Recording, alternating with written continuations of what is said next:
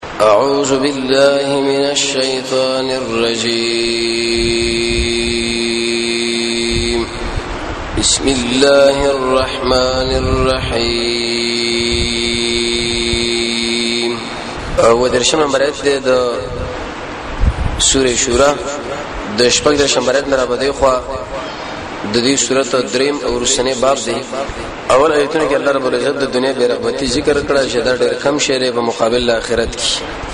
جنت غره دی هغه بهتر دی د دنیا سامانونه او د دې د علمونه حسن زیبایی تعمیرات ارسه به ختم شي د ان ورس الله به نه صفات ذکر کوي مقصد به دا چې دا ځان کرا ول الله به جنت درکې دې ته ویل چې ترغیب او تشویق په دې نه صفاتونه کې دا درې صفاتونه بیان کړې شو صحیح ایمان کله چې په انسان کې نو دا انسان به جنت له داخل شي دویم پر رب العالمین باندې توکل او ځان سپارل دریم د ګنا نه ځان ساتل یشتنبون کبائر الاثم والفواحش لیکن خبره بده کې شروع و چې انسان به د ګنا نه هغه وخت کې ځان ساتي چې اول کبیره ګنا په نخ کې وی پیشي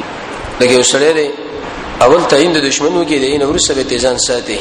چې دا قسمه دشمن دی او دیږي کې مال نه است او بده دی اسلحه باندې زما سره جګړه کوي سړي کبیره ګناهونه د رسول الله د حدیثونو بیان شول نن یو بل کبیره ګناه شغیر ویل شي الغیبه غیبت کول د لوی کبیره ګناه د په دې باندې انسان د جنت نه منې کیږي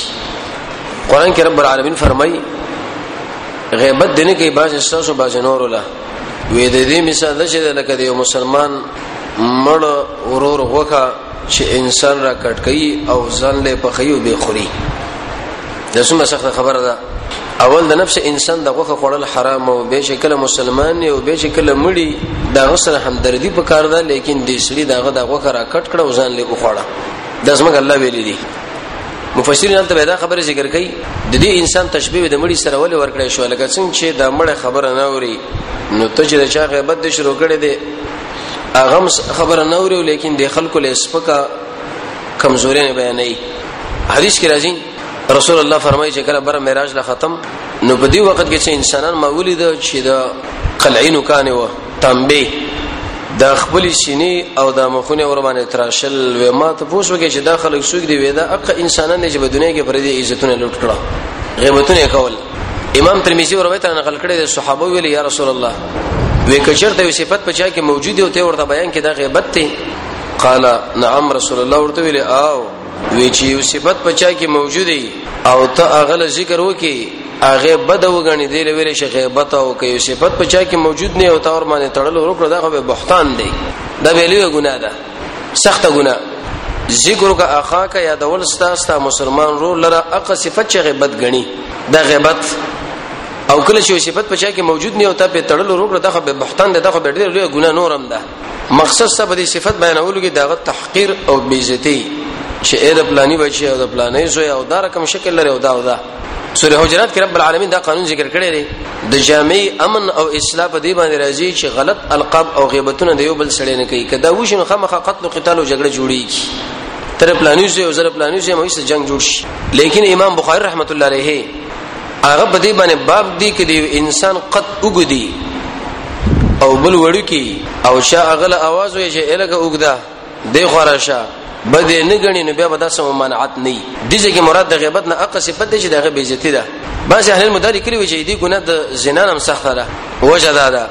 زناکار انسان چې کله زنا وکړي د الله نه معافي وغواړي امید ده چې الله معاف لیکن تا چې د چا غیبت وکړي تر څو پورې چې هغه انسان ته معاف کړي نه رب العالمین هم ته معاف کوي پر دې حق د تلف کې به که طریقه د نجات ده ده چې انسان به داغه سړي خواله ورشي داغه نه به طلب د بخنی وکي او بعد دغه نه به د الله نه معافي وغواړي لیکن امام ابو حنیفه او امام احمد سے فرمایي رحمهم الله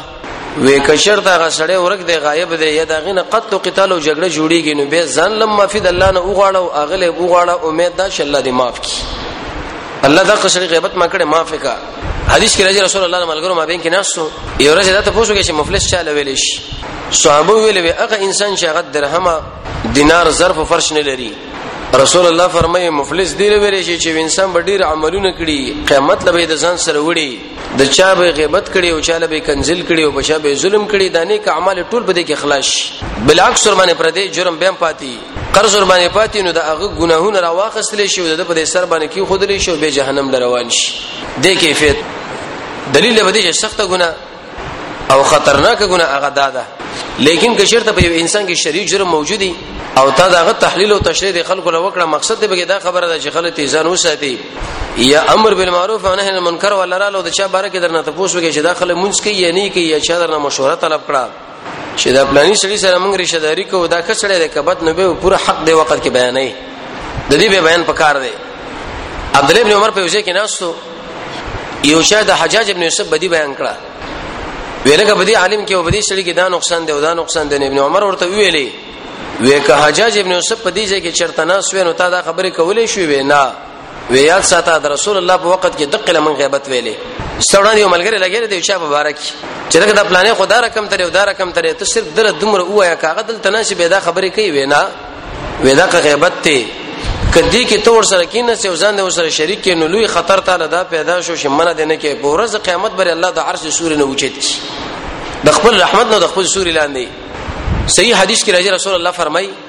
وی چې ستا په وړاندې چا د چا غیبت کول او تا دغه مقابله وکړو بلاک دیو کې دفاع په دې عمل باندې به با الله رب العزت په ورځ قیامت ته د عرش د سوري لاندې یا په خپل رحمت کې یا د خپل سوري لاندې کې نه یشتنمون کبائر الاثم دا معنا هغه خلق د لوی ایماندار چې هغه د کبیره ګناهونو ځان ساتي غیبتونه نه بل کبیره ګناه په ګناهونو کې دا ده شراب تیارول رسول الله فرمایي عليه الصلاه والسلام روایت دانس ابن مالک ویکم انسان چې هغه شراب نه چورکي د شاد لپاره کې دی شي څوک وړي او شال وړلې شي کم انسان بدی کې درمګړې دی څوک اخصون کې دی او څوک پیسې ورکون کې دی دا ټول باندې رب العالمین لعنت ته او دا ټول جهنم ولایت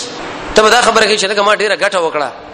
دومره شراب مراوړل په دی واده کې دومره واته دی بلکې دومره واته دغه ځوانان زما خو لاره روان دي رسول الله فرمایي چې ځان دې برباد کړي د جنت نه پم دې عمل باندې خپل ځان منع کړي په بل طرف باندې تلاړي نبی کریم علیه الصلاه والسلام په کبیره ګناهونو کې دم ذکر کړی چې کله سړی یا زنانه خال ولګي هغه خال چې غورانیږي نه لعن الله الواشمه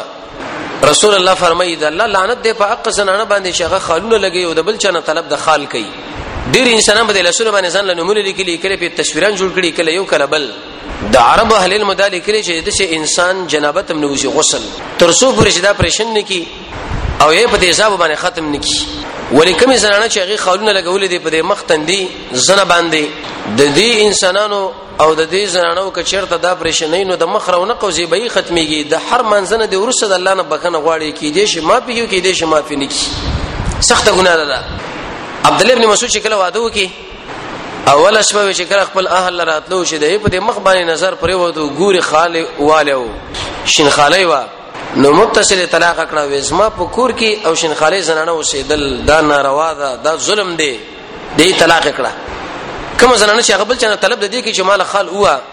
او یا دا د خلکو به شي ګرځي نه زنانو به شي ګرځي واغله خالونه وي دي کبیره ګناه وکړه لوی ګناه وکړه په دغه عمل باندې دا زنانه د جنت نه منې کیږي اوس موږ الله فرمایي چې یجتنبون کبائر الاثم د جنت ولا انسانان به هغه شغل دي ګناهونه نه ځان ساتي یا نوم لیکي بل شي نبی کریم علیه الصلاه والسلام په کبیره ګناهونو کې دم شمرلې دي چې کله کمی زنانه د ورځې نه ری کوي او یا غاکونه اکثر زنانو کې دا عادت دی چې هغه د خپل ورځي دا نری کې بدینو شي وشي باندې وباسي مقصد به ګډول او زیبې جوړولې یا د خپل غاکونه شي دی هغه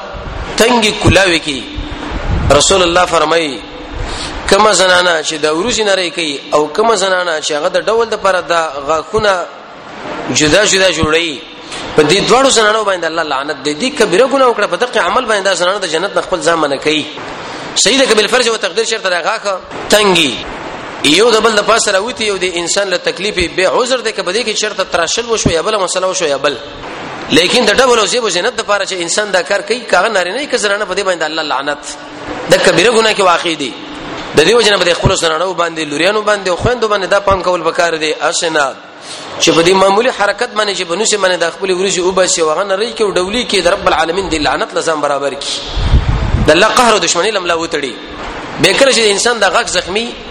انسان اغله پوخ او قشر ور کوي نو اهل علم د دې باره کې تقریبا و دلایل را جمع کړي دي او د ثابت کړي دا چې انسان د لپوخ ور کولې شي ډکولې شي به په حالت د غسل کې او دس کې دغه استلم پکار نه دي څنګه چې دا بل غاکته په دقه شان غاک دام شو حتی که چېرته ضرورت د سرو ورته راغی د سرو به کې کولې شي کې سره د دین شي ناري نه ولدا حرام دي وجه دا و چې د رسول الله په وخت کې انسان هغه په دې پوسه باندې زخمی شو بده کې وسپنې ورکړي بدبوې شو به نو به ورته اجازه دې ورکړه شو یا په دې پکو کې لاسونو کې د سرو زرو د سپرنګان چې کله بغیر د دین کار نه کیږي دا به اختلافي مسله علماء لیکلي چې انسان غاخه یا سپرنګ پر پخه کې ولاس کې ولګو د سرو دا شکل مرشن به د دې استل جواز لري او کني لري ابن قدامه مغني کې د امام احمد ابن حنبل او نور علماو دا قول نقل کړي دي کبه دې سره چرته د مړې به ډول کیږي غاښ استلو باندې په ما تول باندې نو به ته ځان ساتل پکار دي هم د شي ورولې غي دنیا لا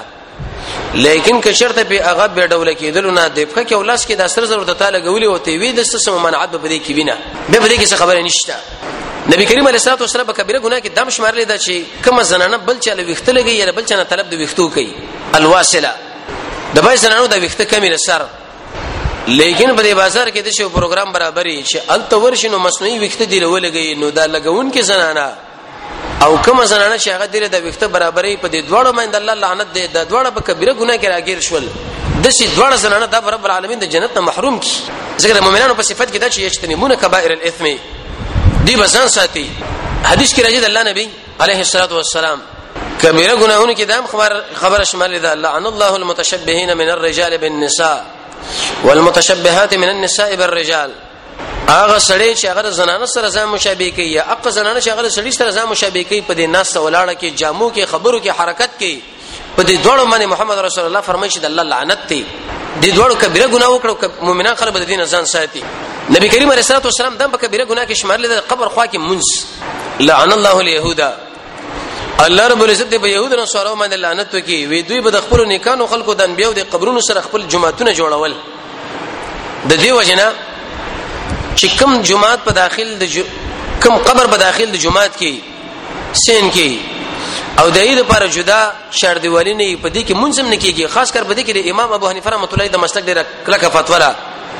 شاه انور شاه کشمیری شه هغه دا فرمایي ک د خي طرف له دا قبري د چپ طرف له مخ کې ورستا چې کله د غي چر دی وری د جمعه د چر دی وری نه جدا نه او انسان به کې مونږ کې دا حرام ناروا حق از امام محمد سے بدی باندې لیکل کړي شغله امام ابو حنیفه رحمۃ اللہ علیہ شاګرد په کوم ځای کې به مونږ نه کیږي یو پکې هغه جمعه چې پای کې قبري داخل کی دویم حدیث بخاری نه معلومیږي هغه کلیسا هغه د يهودو نه سره عبادت خانه چې پای کې تصویرانی دریم چې په کوم ځای کې وکان تړل کېږي رسول الله د دینه منع کړی دا سرورم په قبرستان کې حتی پاغه کې د شی روایت موجود دي چې جنازي منځم نه کیږي انسان بل جنازم نه کوي په حمام کې چې نارینه او زنانه شریک لامبي به د موجوده سقوو کې منځ کیږي او کنه کیږي عون المعبود کې چې هغه امام ابو داود رحمه الله شارح دی دو قول نقل کړی دی یو قول دا ذکر کړی دی وې بدی کې کیږي وجه دا چې حمام کې من راغلی د وجه د تلويس نه چې د انسان جامع مصلا دا په ګندنې شي بدی او بو نور شي نو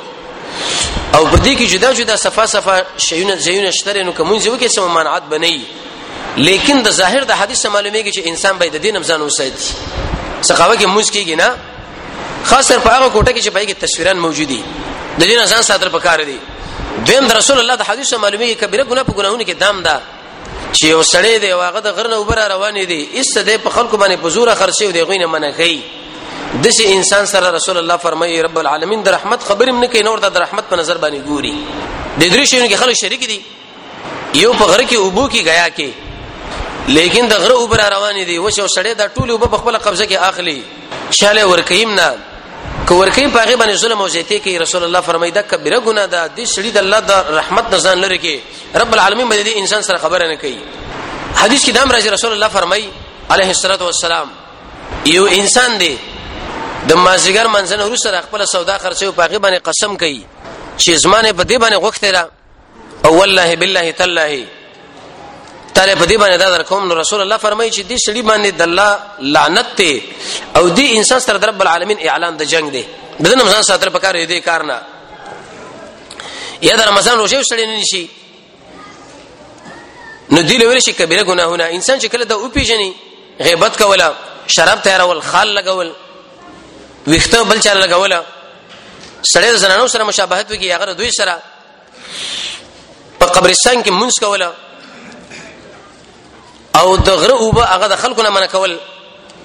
یا د خپل سامان سره ما بیا خرچې په قسم باندې د رمضان روزه نشي د جمعې منځ تر کوي قصدنا نو معنا د بدی والذین الله اذا اغخلق دی